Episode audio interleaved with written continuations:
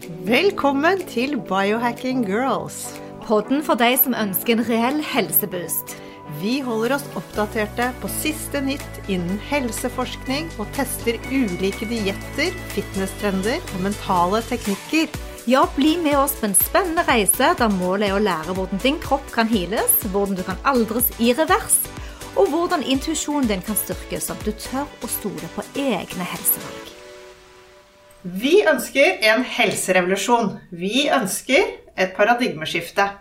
Vi ønsker at folk skal slippe å gå til legen for å bli medisinert for symptomer som kan fikses på annen måte. Vet du hva, jeg er så enig, og i dag så sitter vi med grunnleggeren av helserevolusjonen.no, nemlig Kristine Oddvin Andersen.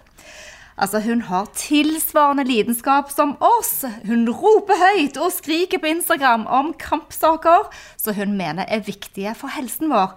Og meg og Alette, altså, vi jubler jo, ikke sant? Vi jubler og heier. Og velkommen til Biohacking Girls. Velkommen til deg, Kristine. Det er så hyggelig å ha deg her på podden. Tusen takk. Det var skikkelig gøy å bli invitert. Du, vi må bare gå rett på sak og så skjønne litt hva er din bakgrunn. Og grunnen til at du tar opp denne helsekampen og ytringstrangen din. Jeg kan jo begynne med å korrigere deg bitte litt. Ja. For det er helserevolusjon, ikke helserevolusjonen. Det bare greit å gjøre den distinksjonen fordi det er en bok som heter 'Helserevolusjon' av Maria, Maria Borelius. Jeg har faktisk fått noen spørsmål omkring det der. bare sånn at folk ikke... Det var veldig fint at du sa! Ja. ja. Og det er morsomt, for Jeg visste jo ikke om den boka da jeg starta Helserevolusjonen. Jeg satt jo lenge og lurte skal jeg kalle det Helserevolusjon eller skal jeg kalle det Helserevolusjonen. Og så endte jeg på Helserevolusjonen bare sånn fordi det føltes mest riktig. Og så, så oppdaga jeg jo den boka Helserevolusjonen etter hvert. da. Og det er en bra bok. Den handler jo om inflammatorisk Eller om inflammasjon i veldig stor grad, og det er veldig viktig. Å oh, ja, vi heier på Marie òg, vi. Så vi kan bare juble sammen hele gjengen. Og revolusjonere oss gjennom gode spørsmål på helse. Men hva startet din lidenskap? Nei, altså Det starta jo med at min egen helse begynte å skrante. I 2012 eh, så var jeg gravid, eh, mista og var litt sånn da i tvil. Skal jeg sjekke det her ut? Og bestemte meg for at jeg kan gjøre det, just in case. Jeg gikk til Green Doctors og Siri Aabel og tok en, rett og slett en sjekk av kroppen for å se hvordan det sto til. Og da fant vi jo litt av hvert. Eh, så da Det var jo da det starta. Da skjønte jeg Da begynte jeg å grave, jeg begynte å lese. Eh, jobba jo tett med Siri, jobba tett med andre dyktige funksjonellmedisinske eller helhetstenkende leger og behandlere. Eh, og fikk mange ha-opplevelser. Det gikk opp noe lys for meg eh, underveis der omkring systemet, omkring ja, omkring egentlig alt. At vi har et skeivt syn kanskje på helse. da. Vi har en helsemodell som ikke er tilstrekkelig, som ikke fungerer godt nok i forhold til de helseutfordringene som vi har i dag. Spennende med Siri Aabel. Hun er en fantastisk lege. Kan jeg, kan jeg spørre hva spesifikt Ikke nødvendigvis akkurat hva du fant, men hva søkte du da? Hvilke type prøver? For du må jo tenke litt utenfor boksen eh, når man tar det skrittet. Ja. Og det som er at Siri og for så vidt andre også lignende helhetstenkende leger, da, hvis man kan kalle det det, som har en litt mer funksjonell medisinsk tilnærming, de stiller jo kanskje flere spørsmål omkring hvorfor. Eh, hvorfor skjedde det her, og hvordan skjedde det her. Sånn at det, den, eh, si, den utredninga er en kombinasjon av konkrete prøver. Selvfølgelig blodprøver, eh, målinger, sånn helt konkrete ting. Og også en god del eh, spørsmål, faktisk. Altså symptomskjema, altså kart. Det å faktisk en dialog mm. eh, omkring hvordan man føler seg, hvordan man har det, hvor lenge, om historie man ser langt tilbake. Kanskje helt fra fødselen. Hvordan var fødselen? Hvordan ble du født? Ble du født vaginalt? Altså, det er liksom en veldig grundig da, gjennomgang av hele historien din. Som gjør at man kan legge den brikkene og få det puslespillet og få noe svar, finne røde tråder som man kan nøste opp i. Så det, så det, var en kombinasjon av det. Det er veldig fint med Siri og veldig flink å se det eh, som menneske og sette inn liksom, i et større perspektiv. Da. Ikke bare de her blodprøvene på et ark med en stjerne eller en ikke-stjerne er du innafor eller utafor referanseområdene.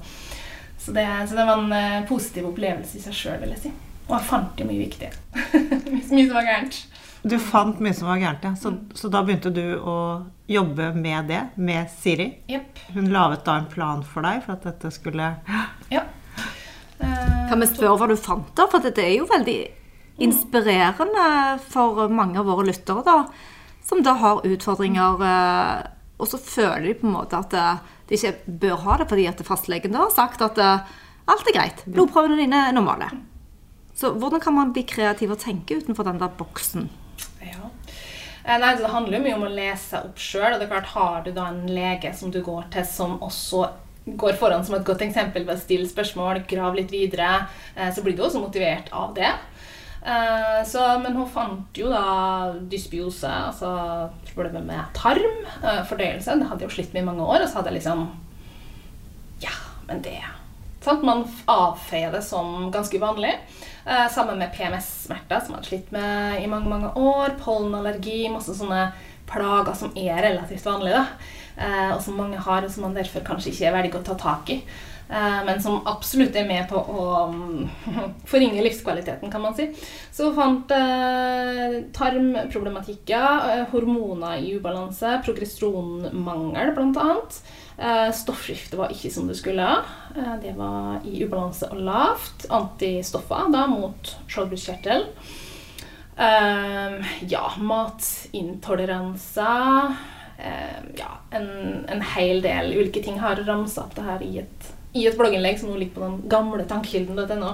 Eh, rett og slett fordi jeg opplever sånn som det at mange eh, finner det nyttig å vite litt mer sånn konkret. Og det er også ramsa opp hva jeg faktisk gjorde. Hvilke prøver som ble tatt på de forskjellige plassene jeg var og fikk hjelp.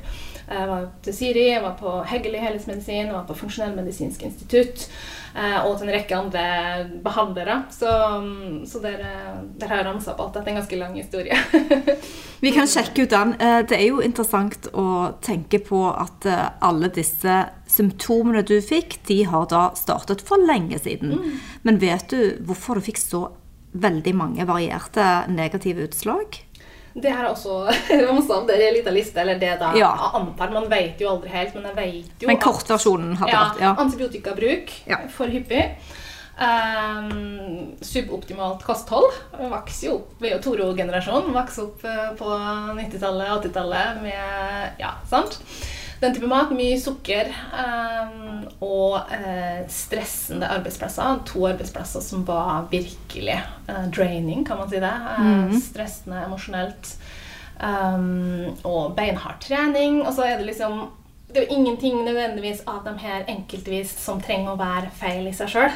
Mange takler jo å trene hardt uten at man blir syk av den grunn, men det er jo det her til sammen. ikke sant? Det er jo gjerne flere faktorer som da til sammen gjør at belastningen, totale belastningen for kroppen blir for stor, og så eh, slår det seg da ut i Altså kroppens kapasitet er brukt opp. Man takler ikke mer, rett og slett, og så man, blir man syk, da, som man sier.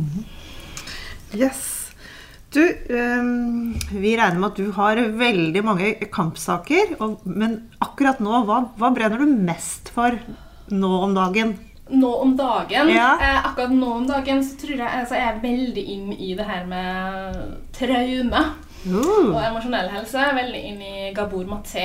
Det begynner å bli noen år siden jeg leste boka for første gang, men nå er jeg vel på kanskje tredje runde da, av den boka som heter 'Når kroppen sier nei prisen vi betaler for skjult stress'.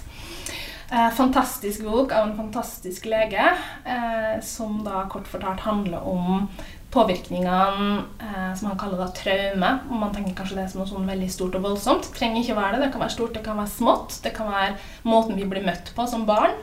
Eh, måten foreldrene var til stede eller ikke til stede. Altså, det kan være ganske subtile ting eh, som da gjør at eh, det her påvirker også vår fysiske kropp. Det emosjonelle påvirker det, det fysiske og det biologiske gjennom stressrespons, gjennom nervesystemet ikke sant, med fight or flight. Eh, at det her trigges, og da blir en mer lettrigga eh, greie i oss, sånn at vi går med kronisk stress også i voksen alder. Da. Så det var veldig, veldig kort overfladisk fortalt. Men jo mer jeg graver, jo mer blir jeg sikker på at det her har noe å si for eh, den fysiske helsa. Vi har adskilt det her alt altfor lenge. Og Gabor Maté han trekker frem utrolig mye interessant eh, forskning og undersøkelser som er gjort i forhold til hvordan personlighetstrekk og responsmønster i oss da, eh, kan være veldig eh, utslagsgivende for også fysiske lidelser, rett og slett.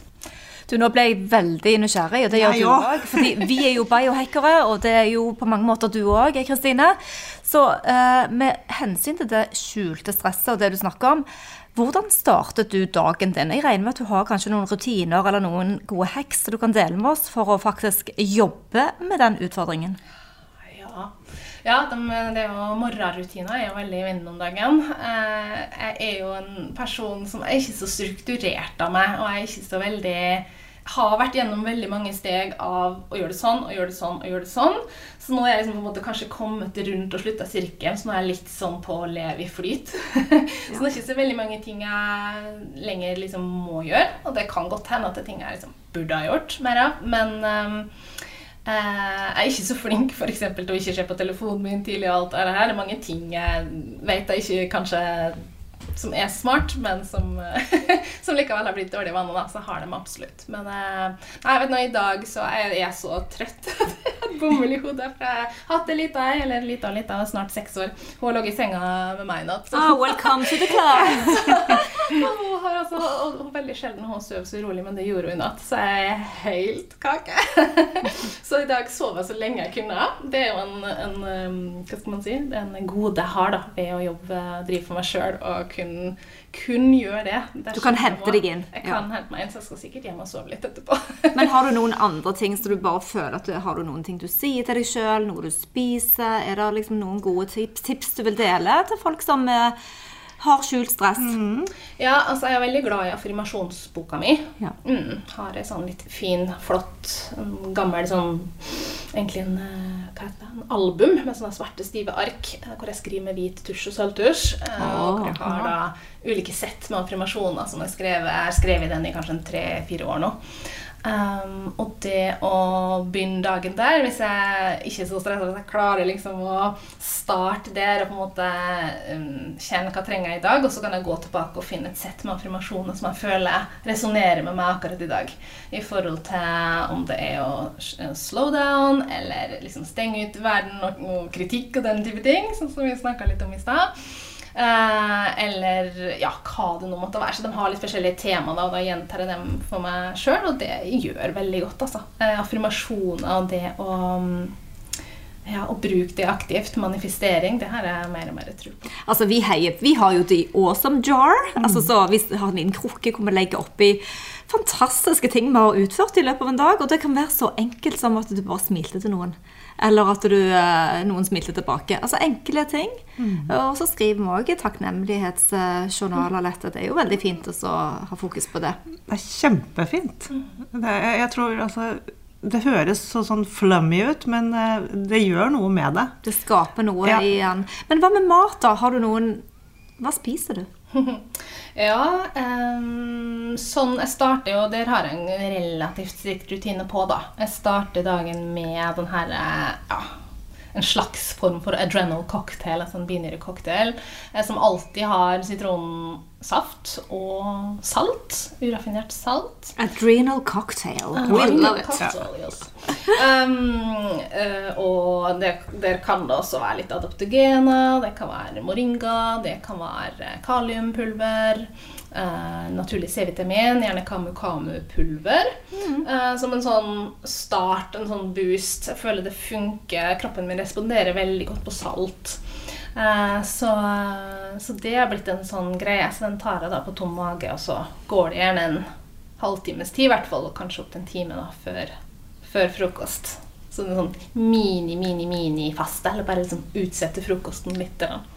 Hvordan ser ellers kostholdet ditt ut? Hva spiser du liksom i løpet av en dag? Nå spiser jeg veldig mye mat fra Reko-ringen. Bra, det heier vi på. Jeg er jo så griseheldig at jeg har fått Reko-ringen i hagen. Har du? Ja, ja. Jeg har kommet til Vålerenga, og jeg bor jo rett eh, vegg i vegg med Vålerenga park, så nå, det var halleluja. For jeg drev jo for til Sankthanshaugen og ned i byen og med, liksom på buss, da, for jeg har ikke bil, eller jeg kjører ikke bil. Og med Ikea-bager og henta tre brett med egg og sånt. Svetta som en gris. Så veldig deilig å få Nå kan jeg liksom gå flere turer, for det er så kort vei. Så herlig. Så, men eh, nei, så jeg prøver altså mitt, Min kostholdsfilosofi, da, etter å ha vært mange loops med forskjellige retninger, og sånn, så er det, kommer jeg tilbake til råvarebasert mat. Mat av god kvalitet. Kvalitet, kvalitet, det har vært oversett, tror jeg. Um, vi har fokusert veldig mange andre plasser. Vi har fokusert på kalorier, vi har fokusert på ja, sant? Lettvinthet. Ja, ja. Lettprodukter. Pris, ja, altså yes, Thaimat. altså, eh, Så råvarebasert mat er heldigvis jeg er veldig glad og takknemlig for at jeg fra naturens side, eller fra barndommen av, alltid har vært glad i å lage mat. Da. Det er jo en gigantisk fordel, selvfølgelig. Men uh, heldigvis, altså rein og bra mat trenger jo absolutt ikke å være avansert. Så noen, i noen perioder så er jeg kjempemotivert å stå på kjøkkenet og kokkelere, andre gang ikke, men likevel så er det jo da uh, råvarebasert mat. Jeg spiser veldig mye egg, f.eks. Enten det er kokt eller stekt eller sånne ting. Og uh, en sånn ganske grei balanse mellom plantemat og animalsk mat. Det har jeg funnet at funker best for meg. Eh, så det Jeg er litt glad i grønnsaker og sånt. Så det mm, Ja. Så Jeg tenkte jeg bare skulle skyte inn Hvis folk ikke har hørt om Reko-ringen, så er det da en slags coop Ja. hvor du får lokale økologiske varer rett fra bonden. rettferdig konsum. Yes. Ja, sånn at man slipper mellomledd. Og hvis man begynner å grave i den jeg skal si, eh, dagligvare altså det, det Ja. Det, det, det, er- det får noen andre ta på noen podkastepisoder, men, Ja. eh, men det er mye der. Så det føles veldig godt å kunne gjøre det. Eh, alt er ikke nødvendigvis økologisk, men det er i hvert fall kortreist. Og det, de har, veldig mange leverandører har mye fokus på dyrevelferd og økologi og jord og den type ting. Så, så det, det liker jeg. Mm. Nydelig. Det er veldig fint. Eh, Vi kan kanskje like gjerne bare hoppe ut i det vepsebolet med en gang og så spørre deg om litt vegetabilske oljer. Vi har jo da Alette og jeg har en kampsak eh, på Den driver vi med om dagen. Vi er veldig opptatt av å lese på labels eh, og tar research-turer daglig innenfor dagligvaren og, og sjekke ut da. Og det kan hende at det er at litt sånn rapsolje og litt grann soyaolje, og, og at, det, at man ikke trenger å ha så stort fokus på det. Men vi mener at det er viktig å eliminere og spise ren mat. Har du gjort deg opp eh, tanker rundt vegetabilske oljer? Ja, det har jeg vært mye innom på, på de årene som har gått. Så, så helt klart, det er, det er jo prosesserte fettsyrer, da, spesielt i form av um, raffinerte planteoljer, er jo ikke noe som vi tradisjonelt har inntatt. Det er ikke på en måte en, kan man si, en ren, naturlig kilde til fett. Allikevel så er 80% av matvarene består til, med tilsatte eh, vegetabilske Ja, ja. ja. sant? Det er jo billig. Sant? Ikke sant? Det Smaks, eh, lage kjeks and crispy, Ja. lage eh, latten creamy. Særlig det at det ikke koster noe. Det koster ingenting, og det er ofte smaksnøytralt. Eh, sant? Så, så helt klart så er olivenolje er det eneste jeg bruker på mitt kjøkken. eh, I tillegg til kokosolje, da. Ja. Det brukes til en del ting der det passer. Eh, så det er vel de to eh, vegetabilske formene for fett jeg bruker. Ellers så går det i eh, upasteurisert fortrinnsvis. Smør, eh, andefett, kyllingfett, eh, smult fra glade griser.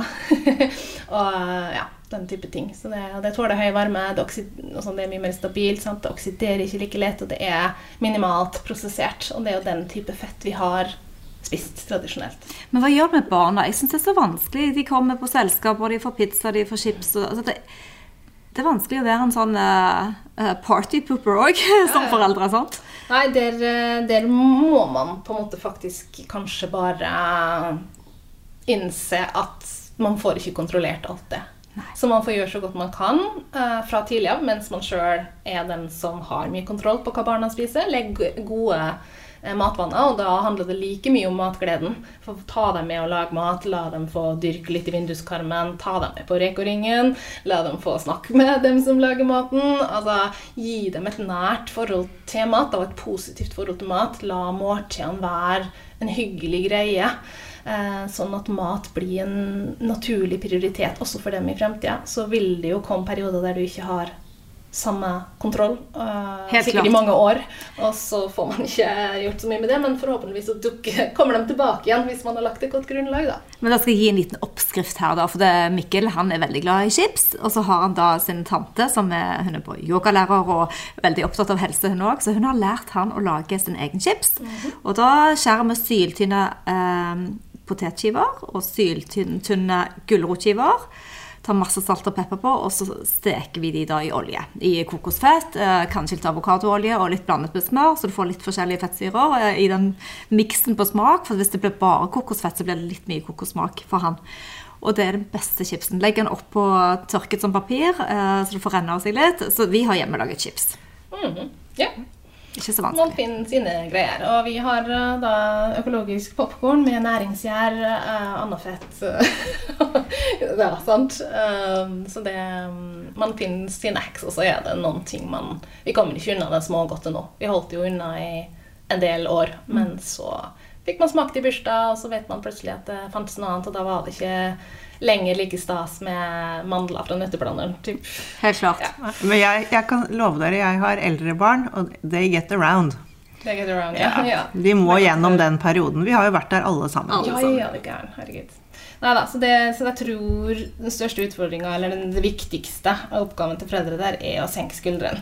Eh, faktisk. Og liksom, for man er så fort at man blir da liksom, sant, går til angrep på, en måte på det, og så blir det bare feil. Ja, Relasjon er jo det viktigste når Helt alt kommer til alt. Helt riktig. Og det husker jeg tilbake til Jesper Juel, da. For at, uh, han som er, var familieterapeut, han har gått bort nå, men uh, har skrevet mange bøker. Og, og han sa jo ofte det at eh, vi må vurdere om det sosiale aspektet ved å gå ut og ta seg en kebab og gå på Mekkeren, om det er viktigere enn denne overstyrte helseinspirasjonen når du er i de årene der. Og det man må hele tiden avveie. Men så tenker jeg òg at det du har i skapene hjemme, det blir på en måte òg malen hjemme. sant? Og så kommer man ut, og så ja, Er det annerledes ute? så er det annerledes ute. Så har man et sammenligningsgrunnlag. Så, men det er iallfall å øke bevisstheten rundt det man handler i butikken, det syns vi er viktig. Ja, det er klart at vi foreldre i dag, da, for å ta dem som eksempel, eller folk generelt, egentlig, altså, det er jo en bortimot umulig oppgave. Altså sånn Med den markedskreften, med den markeds, heftige markedsføringa, også mot barn. eh, med det som, man har, som er mest tilgjengelig i butikkene. Eh, det er ikke tilrettelagt for råvarebasert eh, mat, og sånn som også ting hverdagen til folk er, så er det ikke nødvendigvis liksom kjempemasse tid til å stå og kokkelere. Og det, liksom, hele samfunnsstrukturen jobber på en måte mot oss der. Så, så det krever en innsats. Det krever en eh, bevisst prioritering, og det krever um, Ja, det krever en, en bevisst innsats på det, faktisk, for å for å få det til. Det er ikke noe som bare glir av seg sjøl. Lar man det bare flyte, så Ja. Men vi skal bytte litt tema. ehm, For jeg lurer på hva din definisjon er rundt kronisk sykdom. Ikke sant? Hvordan havnet vi her med denne symptombehandlingen? Jeg vet at du brenner for dette. Ja, altså min altså Jeg har for så vidt ikke noen egen definisjon på Nei. kronisk sykdom, men den definisjonen, men det er interessant det der, fordi definisjonen på kronisk sykdom eh, er jo langvarig sykdom. Eh, og jeg ser jo at veldig mange tror at kronisk sykdom er det samme som livslang sykdom. Eh, eller eh, uhelbredelig sykdom. Det, det her har blitt møtt med mange ganger i, i kommentarfelt, og det er ikke riktig i henhold til den gjeldende definisjonen, kan du si. Kronisk sykdom er sykdom som vedvarer tror det en sånn grense på seks måneder. Sant? Er det lenger enn det, så defineres det da som kronisk sykdom. I motsetning til akutt sykdom, som er mer ja, kortvarig, kan kanskje fikses også lettere med antibiotika eller noen medikamenter. Eh, kronisk sykdom derimot finnes det få quick fixes for. Eh, også antageligvis fordi det tar tid å utvikle. Det har gjerne flere, sant, som jeg snakka om i sted, flere medvirkende årsaker da, som til sammen blir belastninger som gjør at det utvikles Ja, sykdom. for kronisk sykdom er vel egentlig bare et symptom på noe som ligger under. Det er vel ikke strengt tatt en sykdom som du blir frisk av med medikamenter. Nei, sant? og da er vi på en måte igjen inn på sant? hvordan definerer man sykdom, hvordan definerer man frisk? Er man frisk hvis man har fravær av symptomer, eller sant? Så det er jo en, en, kan si, en ganske lang diskusjon for så vidt, men ja, jeg er veldig enig. Eh, flere nå som sier at eh, there's no, no such thing as disease. Det er bare biokjemiske ubalanser, kan du si, eller kropp i ubalanse. da. Så, eller metabolsk dysfunksjon. Det har litt, eh, litt, forskjellige, ja, litt forskjellige navn, men, eh, men jeg, jeg heller mot det, absolutt. At det her er, vi må se det på en litt annen måte. For det legger også premisser for hvordan vi da går fram for å fikse det. Mm. Ikke sant? Det kommer jo tilbake til historien din med alle disse symptomene, og hvordan, man, hvordan du måtte ta grep om det. Mens hadde du gått til en tradisjonell lege, så hadde du antageligvis fått beskjed om at det var vanlig, og at du var innenfor normalen, eller fått et medikament for å døyve Ja. symptomet. Og det var jo også, sant? Det var jo også til fastlegen langs denne veien pga. visse enkelte symptomer, sånn som f.eks. refluksen min. Og da fikk jeg jo Somax syrenøytraliserende, som da gikk på i fem-seks år. Eh, som egentlig er en kortvarig greie, og som sikkert har sin plass. Men så viste det seg jo antageligvis at for lav magesyre var nok det som for meg var årsaken. Så det her døyva jo på sett og vis symptomene, men det gjorde jo også ting verre. Har du ikke magesyre, så er det åpent for all slags patogener, dysbiose Ja, så det fucka rett og slett eh, fordøyelsen min, hvis det er lov å bruke det ordet på deres podkast. Det er vel innafor. Det er innafor det. Altså. ja. Så bare for å få fram det poenget, det var, det var nok ikke et lurt grep, men det var jo det fastlegen hadde å tilby, da. Så mm. Og så siden vi snakker om eh, medisiner, da. Eh, er det noen supplementer du virkelig bare bruker alltid, eller tenker er viktig å ha? Du har snakket litt om ashwagandha eller adaptogener, men eh, er det noe du tar hver eneste dag? Av tilskudd? Ehm, hver eneste dag. Eh, ja, det er jo den uh, binyrcocktaila min tar jeg hver eneste dag, stort sett. Ehm, og så er jeg jo på det her med altså Magnesium er jo noe som de aller fleste Altså det er for lite i vannet og i maten. Uansett nesten hvor sunt du spiser, så er det fordi at jordsmonnet er utarma. Så magnesium er noe som går jevnt og trutt. Eh, ja, ulike adaptogener det går jo gjerne litt sånn på rullering, sant? men det er også jevnt eh, og trutt. Eh, B-vitamin er også noe som jeg ser at, og tror at mange mm, har godt av en sånn ekstra boost. Altså stress er jo noe som tapper f.eks. både B-vitaminer og magnesium, så det er liksom to B-vitaminer er jo flere vitaminer, da, som dere vet, men det er liksom to kjerner som kanskje livsstilen vår og kostholdet vårt, det moderne, sånn som ting er i det moderne livet, trenger ekstra påfyll av. da, Som tappes ved sykdom, som tappes ved stress. Så et godt B-vitaminkompleks med metylerte B-vitaminer er noe som også stort sett jevnt og trutt går på. Tester, Går du, på, det tester du jevnt blodprøvene? Ja, tester jo. Sånn som B12 for eksempel. Nå var den plutselig blitt litt lav, for det har vært litt slurvete med, med, med B-vitaminene B-vitaminene mine. Eh, Så ja, eh, det må man jo holde et lite øye med. Altså, kroppen min er jo ikke 100 i balanse ennå. Det er jo et pågående prosjekt, sjøl om jeg har blitt kvitt mange ting. Pollenallergi, PMS-en, eh, angsten, refluksen. Det er veldig mye som har blitt bedre på den reisa. Og det som er interessant, at det snart begynner nye prosesser igjen. Nye Ja. hormonelle overganger. Ikke sant? Så det er Ja. en evig runddans. Det gjelder bare å følge med i timen. Her må vi følge med, og det er jo så gøy òg, da. Og så lærer man jo hele tiden noe nytt. Ja, jeg tenker jo at det skjer jo det med biohacking og dere og sånn òg, og også kjenner igjen meg sjøl i det at for meg så ble eh, helsepleie et prosjekt. Og da Det hindra nok at jeg gikk inn i en sånn offerrolle. At det ble heller noe liksom litt spennende og gøy som du på en måte skulle hacke og skulle finne ut av. Og det er tross alt mer en, det er jo en ganske proaktiv rolle, da. Som absolutt var med på å dra meg i land, kan du si. Jeg tror jo ikke jeg har vært jeg skal si at jeg ikke hadde sittet her i dag, det jeg hørte var kanskje dramatisk, men jeg hadde nok vært på et annet sted i dag hvis det ikke var for også min egen innsats. Selv om jeg hadde mange dyktige leger og behandlere som hjalp meg, så er jo en veldig stor del av det egeninnsatsen. Men så trenger vi da Vi trenger inspirasjon, vi trenger folk som ta, er litt talesterke. Og det, det, tror jeg er veldig nyttig at vi sammen da både biohacker eller står sammen i en revolusjon for å skape eh, et håp. Og du ikke, hvis du er hjemme er syk eller har eh, utfordringer og du sliter med det, og ikke føler at du klarer å ta tak, så er det så bra at vi sammen da kan faktisk sitte her og poste litt og skrike litt høyt, og så plutselig så plukker man opp litt her og der. Ja, det er det man gjør. At man ikke går inn i den avmakten og bare setter seg ned og Nei, nei, sånn ble det med meg. Mm. At, altså, det er veldig, veldig inspirerende. Det mm. er uh... Jeg har en venninne som har migrene.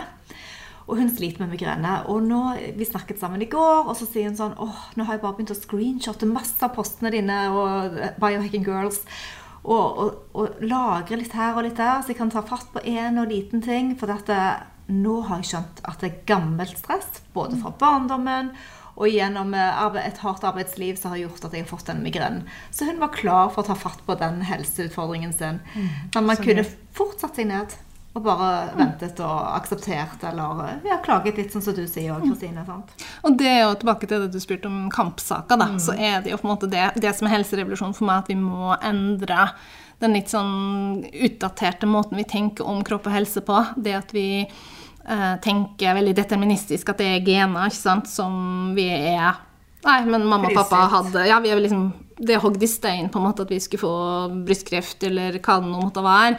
Eh, og så viser det seg jo egentlig at en ganske liten prosentandel av sykdom og lidelser som er rent genetisk, det man snakker om kanskje rundt 5 eh, Resten er også påvirka av livsstilsfaktorer, kan man kalle det. Det kan, det kan også bli litt sånn Det handler ikke om å legge skyld på noen det handler om å være bevisst, men også, jeg kaller også det derfor miljøpåvirkninger. Fordi det er også ting vi kanskje ikke nødvendigvis bare styrer sjøl. Det handler ikke bare om bevisste valg, eller du har tatt dårlige valg, derfor har du blitt syk. Så det er veldig viktig å understreke. Men det at man innser at man har eh, en påvirkningskraft da, på egen skjebne, egen helse, det er jo så viktig. Og det er jo egentlig veldig empowering, av mangel på et uh, bedre norsk ord. Um, så det å få på en måte en, få i gang en, en, revolusjon på det at vi er ikke passive pasienter lenger, vi må være aktive aktienter. eh, og se at det handler ikke bare om å lese alt i fanget på en lege som skal kunne alt. Leger er også bare mennesker. Tross alt er det vi sjøl som er oss sjøl nærmest og eh, kjenner oss sjøl best. Sånn at det å skifte kanskje mindsettet litt, og også innse at det finnes veldig få quick fixes fixes da, for de her helseutfordringene som vi har Ser i dag. Ser du en endring? Uh, ja. Eller opplever du at det er endringsvilje? Det er klart, eh, nå veldig mange av dem som kontakter meg og sender meg meldinger, som følger meg på sosiale medier og sånne ting, det er klart, det er jo en del Der er det jo mye bevisste folk som allerede kanskje sånn har våkna, eh, og så bidrar kanskje jeg litt, og så bidrar dere litt, så, så, jeg vet ikke hvor eh, representativt det er for den store og hele på en måte, befolkning, da. Men ja, jeg, jeg tror en, en, en revolusjon på en måte er uunngåelig, fordi stadig flere møter veggen, eh, får ikke den hjelpa de, eh, de, trenger i helsevesenet. Jeg ser det på stoffskiftegruppene f.eks., men jeg ser jo at det på en måte dessverre da, henger en del igjen.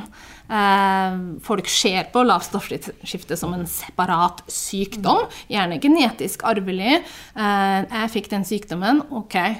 Liksom er, og veldig mange mener jo at det er livslangt, det er uhelbredelig, det kan du ikke gjøre noe med. Du må gå på medisiner resten av livet. Og jeg sier ikke at det nødvendigvis er enkelt, men det er veldig viktig å vite at i mange tilfeller så kan det også reverseres. Det handler jo mye om også når det oppdages, da.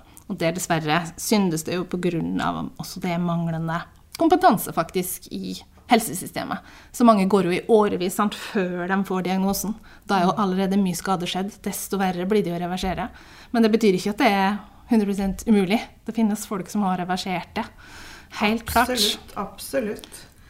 Så, ja, så det er på en måte min kampsak, altså helserevolusjon, å bevisstgjøre ja. og endre på det. Jeg tror ikke jeg får endra så mye på systemet, men Systemet må også endres, men enn så lenge så er det viktig at jeg og du tar Vi, vi kan ikke sitte og vente. Vi må begynne i bunn, og så må det bare vokse seg oppover i systemet. Hvor flere av oss som tar bevisste valg, hvor flere av oss som slutter å kjøpe palmeoljer og sånne ting, jo bedre er det. Mm. Endringen da vil jo da skje. Og flere som handler på Reko-ringen. Mm. Ikke sant? Det er jo bare Kjempebra. Ja, for du spurte jo også, for det er jo litt sånn sentralt, altså hvordan havna vi her? Ja. Og jeg tenker jo at det handler om at um, verden har, altså samfunnet vi lever i, våre omgivelser, har endra seg har eksplodert, altså Det har endra seg så fundamentalt på så kort tid. Vår biologi og fysiologi henger ikke etter.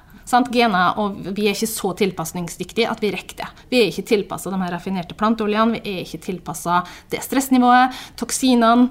Sant? Alt det her som den moderne livsstilen har mye av, da, det er vi ikke tilpassa. Så derfor så på en måte det resulterer på en måte da i helse. Og så er det jo også da som sagt at helsesystemet også henger etter, fordi de har en sånn veldig fragmentert syn på kropp. De ser ikke nok på helheten.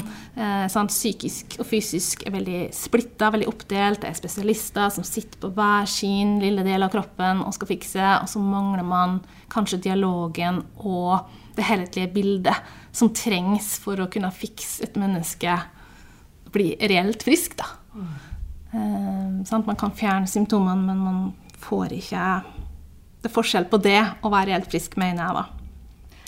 Vi er jo veldig opptatt av gadgets og ja, å kunne måle. Eh, og det, det, er kanskje litt forskjellen på hvis man går tilbake til å se på livsstilsspørsmål, helsespørsmål, at vi faktisk har et måleapparat. Og vi har vært litt borti glukosemåler, og de siste tre månedene har vi jobbet med det.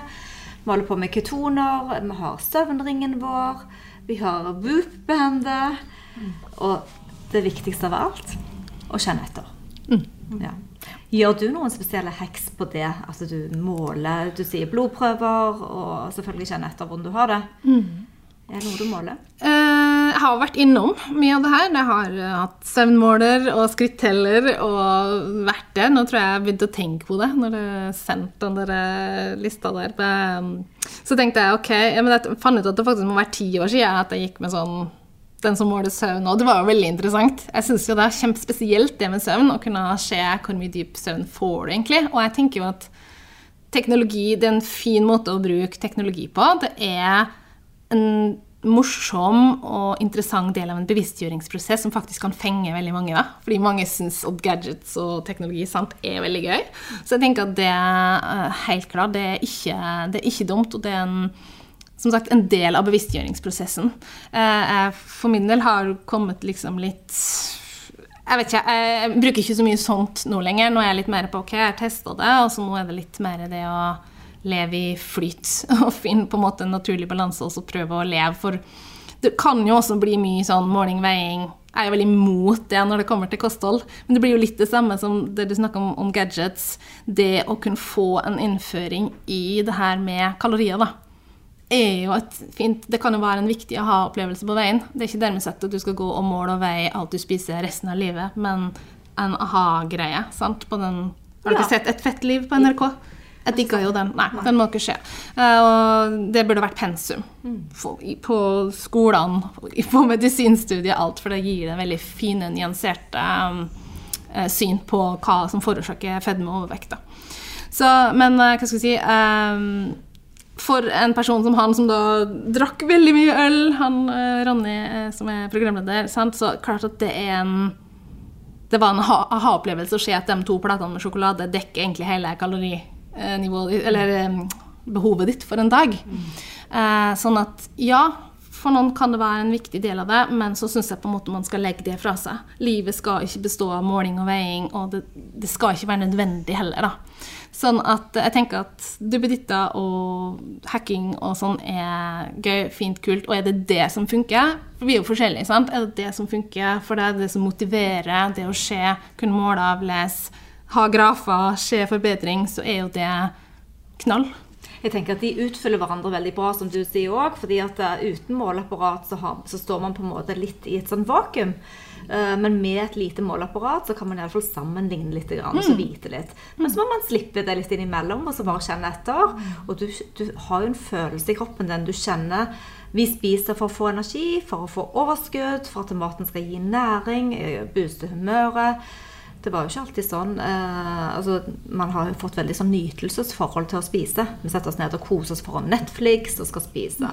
Men, altså, ja, eller, for jeg får ofte spørsmålet Nei, men hva gjør du for når du skal kose deg, da? Fordi jeg ikke spiser sukker? Nei, men jeg kan jo kose meg med noe annet. Kosebegrepet og Ja. ja. Mm. Kosebegrepet og, og handlemønsteret vårt. Det står liksom i alle butikker sånne små sjokks rett foran, rett foran eh, betalingsdisken. For du skal grabbe med deg litt ekstra sånne snacksige ting. Så, det, så det, man trenger på en måte litt eh, retningslinjer og litt måling. Men så trenger man òg å komme tilbake til intuisjonen sin og lytte litt. eh, Veldig. Ja. veldig. Det er en balanse der. Absolutt. Og her har vi jo en enorm jobb å gjøre for den oppvoksende generasjonen. Mm. Der også mammarevolusjonen kommer inn, da, fordi vi den, skal vi snu helsestatistikken, så må vi altså så begynner egentlig det før barnet er unnfanga. Det begynner med mors helse før spiren sitt, og så fortsetter det gjennom da det som jeg kaller trimester null, og så fortsetter det gjennom graviditet, og kjempeviktig de første årene av livet. Seks første årene av livet programmeres vi til det som blir våre responsmønster resten av livet, egentlig. Og det er veldig tungt å avprogrammere igjen. Da er vi jo inne på det med emosjonelle traumer. Uh, ja, Gabor Moté, det han skriver om. Han skriver også veldig mye bra om det her med avhengighet, og det med å bruke substanser, enten det er mat, dop, sex, shopping, for å fylle hullene sine. Det er egentlig ingen substanser som er spesielt avhengighetsskapende i utgangspunktet, med mindre det er et hull der, emosjonelt hull i mennesket som det fyller. Da blir det avhengighetsskapende. En egen bok om det også, som heter 'In the Realm of Hungry Ghosts', som handler om Ja, avhengighet. apropos bøker. Ja. Dette, nå kan vi avslutte Ja, litt her, for du har en helt utrolig fin eh, bokliste. Ja, du Den- tenker på den- en pelsrevolusjon? Ja, den liker jeg veldig godt. Kunne du tatt topp tre der? Jeg fikk så mye tips. Jeg fikk lyst til å bare, ja, Veldig mye av det hadde jeg lest, men det var mye nytt og spennende. Ja. Hva er dine topp tre bøker? Det er jo et eh, hjerterått spørsmål, vet du. Ja. Men ja, ja, ja. akkurat nå så vil jeg jo Nå er jeg veldig den Gabor Maté-boka som heter 'Når kroppen sier nei'. Prisen vi betaler for skjult stress. Yes, den, den må dere lese. Den skal vi lese, ja. Superviktig. Hacke emosjonelle, eh, rett og slett. Det hjelper ikke hvor mye grønnkål og lever vi spiser hvis ikke det emosjonelle er hacka på plass, for å si det sånn. Um, altså er det jo Ja hva skal man si? Eh, Topp tre. Altså, jeg er også veldig glad i noen sånne små bøker. Da, som de står ikke der. Alt står ikke der. Eh, Nei, Gjerne noe utenom. Ja, ja. Da har vi jo enda mer å, Ja. å tilby. Altså Arthur Haines, eh, som snakker om biologisk norm, et av mine nye favorittuttrykk. For det er det uttrykket jeg lett etter i mange mange år, men biologisk norm, det den livsstilen vi er best tilpassa og har vært lengst tilpassa. Han snakker om, har ei lita bok som heter A New Path. Eh, den er, jeg tror du får kjøpt den på Amazon, og du kan laste den ned eller kjøpe den som e-bok fra eller muligens som fysisk bok også, fra hans eh, nettside. da. A New Path, eh, som handler om det her med ja, hva vi biologisk sett er tilpassa, både med barneoppdragelse og også kosthold og det. Eh, også sammen med en liten bok som heter The Lost Art of Natural Parenting av eh, Tracy Gillette. Hun har en bloggen som heter raisedgood.com, som også er så utrolig viktig. Mye om amming, mye om søvn, mye om biologisk norm når det kommer til barne, si, barneoppdragelse, da, eller hvordan vi er som foreldre i forhold til barn. Kule, Veldig kule kule tips. eh, Kristine. Dette har vært Helt, helt kort, hvis du eh, kunne si bare til de som lytter på, er det én ting du kan endre? Hva er det? Utrolig irriterende Oi, oi, oi, oi, oi, oi. Um, hadde lyst til å si stress ned, men det, det Stress er jo et stikkord, og det er så mye. Ja. Uh, og det er ikke bare tidsklemmer. Stress er også dårlig mat. Uh, stress er også emosjonelle traumer. Så bli bevisst stresset i livet ditt, kanskje, da, og jobb med det. Og siste spørsmål eh, på podden her. Vi må jo bare tyne deg helt. Eh, hva ligger alltid på tallerkenen din? Hvert måltid, tenkte du på? Ja, eller sånn hver dag, i alle fall. Noe som går igjen. No, Non-negotiable. Oi, oi, oi. Jeg har alltid, eh, jeg har alltid noe fermentert, f.eks. Altså, Ja. Er det noe som går igjen? Du Jeg snakket har om lyst, jeg har lyst til å si egg, altså. Ja. Det var liksom det første som datt, datt ned, som er liksom kanskje den staple som jeg ikke kunne levd uten. For det er så Ja, jeg la ut et Allsidig. eh, innlegg i dag ja, om superfooden egg. Ja, eggeplomme er jo naturens multivitamin. Yes. Eh, Så Exactly. det ja. Glade egg, da. Ja. Glade, Glade egg, glade egg. Og egg-yolks, der finnes jo D-vitamin. Jep. Ikke sant? Det gjør det òg. Du, dette var en hyggelig prat, altså, dere. Ja. Mm. Det var veldig koselig å ha deg på besøk. Tusen hjertelig takk, Kristina. Takk, takk. Eh, Da eh, er det bare å takke for oss. Det var altså en eh, inspirerende samtale med et fyrverk av en jente her, som har mange kampsaker akkurat sånn som oss. Helserevolusjon, det er det vi ønsker. Vi ønsker å skape endring og inspirere deg der hjemme til å ta fatt på de små, enkle tingene. Om det er stress, om det er å bytte ut én matvare, om det å redusere innkjøp av eh, sukker og litt ekstreme godteri i eh, skapet hjemme til barna. Eller om det bare er å puste og nyte. Men eh, uansett, du er din egen lykkes helsesmed. Så vi skal nå legge under litt linker til Kristine hvis du har lyst til å ta kontakt med henne. Og dele navn på de fabelaktige bøkene. Happy biohacking! Vi minner om at dere må snakke med egen lege eller kostholdsveileder om dietter eller andre spørsmål relatert til medisiner og supplementer. Informasjonen vi deler kan ikke bli brukt til å diagnostisere, behandle, forebygge eller kurere noen sykdommer eller tilstander.